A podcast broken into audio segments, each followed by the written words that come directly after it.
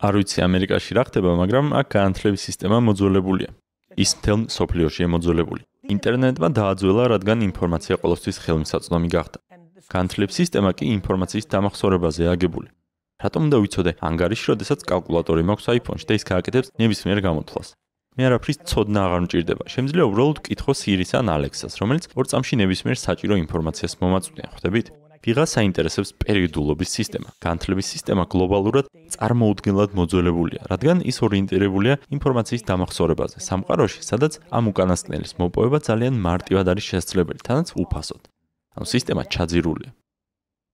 როგორ შეიძლება ამის გამოსწორება?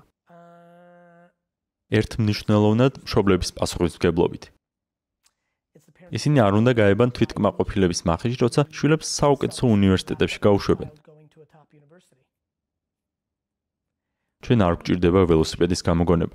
შოულებმა მხოლოდ საკუთარი ბავშვების ბედნიერებაზე უნდა იზრუნონ. ჩვენ ყველა რეალურად რომ იყოთ დაინტერესებული ჩვენი შვილების ბედნიერებით, საკითხი თავისთავად მოგვარდებოდა.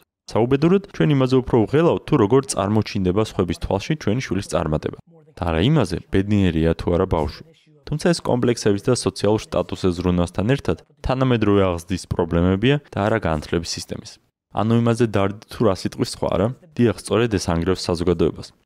გეთახმებით, მაგრამ რამდენი მაყურებელი იტყვის, რომ უნივერსიტეტის დიპლომი აუცილებელია, რათა შავი დღისთვის ადამიანს გამოსავალი ქონდეს? რა გამოსავალზე საუბრობთ?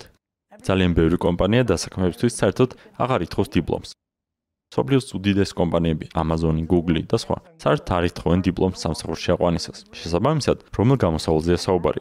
ეს იგივეა რომ ვამბობდეთ ცხენის ყოლა აუცილებელია იმაზე დარდით რომ ერთ დღეს შეიძლება მანქანა გაგვიფუჭდესო ეს აბსურდია ცალსახად ეს დამოკიდებულება კი თავის მხრივ გამოწვეულია მშობლების თაობის стереოტიპული აზროვნებით, რაც მათი მშობლების მხრიდან ზეწოლით ჩამოუყალიბდათ, ან იმით თუ რამდენად სურთ სხვებს არ ჩამორჩნენ, რადგან მათი ნაცნობები, ვისთან ერთადაც უქმეებზე country club-ში ვახშმობენ, ქალიშვილებს პრესტიჟულ უნივერსიტეტებში უშვებენ სასწავლებლად. ეს უბრალოდ აბსურდია. მე ქეთს ვიხდი ჩემი მშობლების წინაშე, რომლებიც საკმარისად ძლიერები აღმოჩნდნენ იმისთვის, რომ ყურადღება არ მიექციათ იმაზე, თუ რას ფიქრობენ სხვები. სწორედ ამის გამო ვარ მე დღეს ბედნიერი და მინდა ჩემი მშობლების მიერ ბოძებული ეს წვენი გამოვიყენო როგორც სოფლიოსთან კომუნიკაციის საშუალება.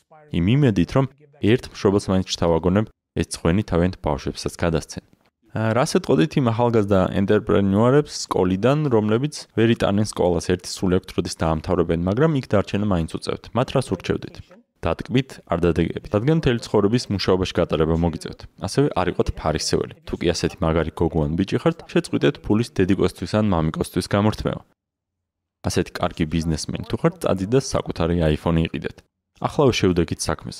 რაც რომ მალე აღწევს ახალგაზრდა მშობლებისგან ფინანსურ დამოუკიდებლობას, მით მეტი შანსია რომ მას ბედნიერი ცხოვრება კონდეს.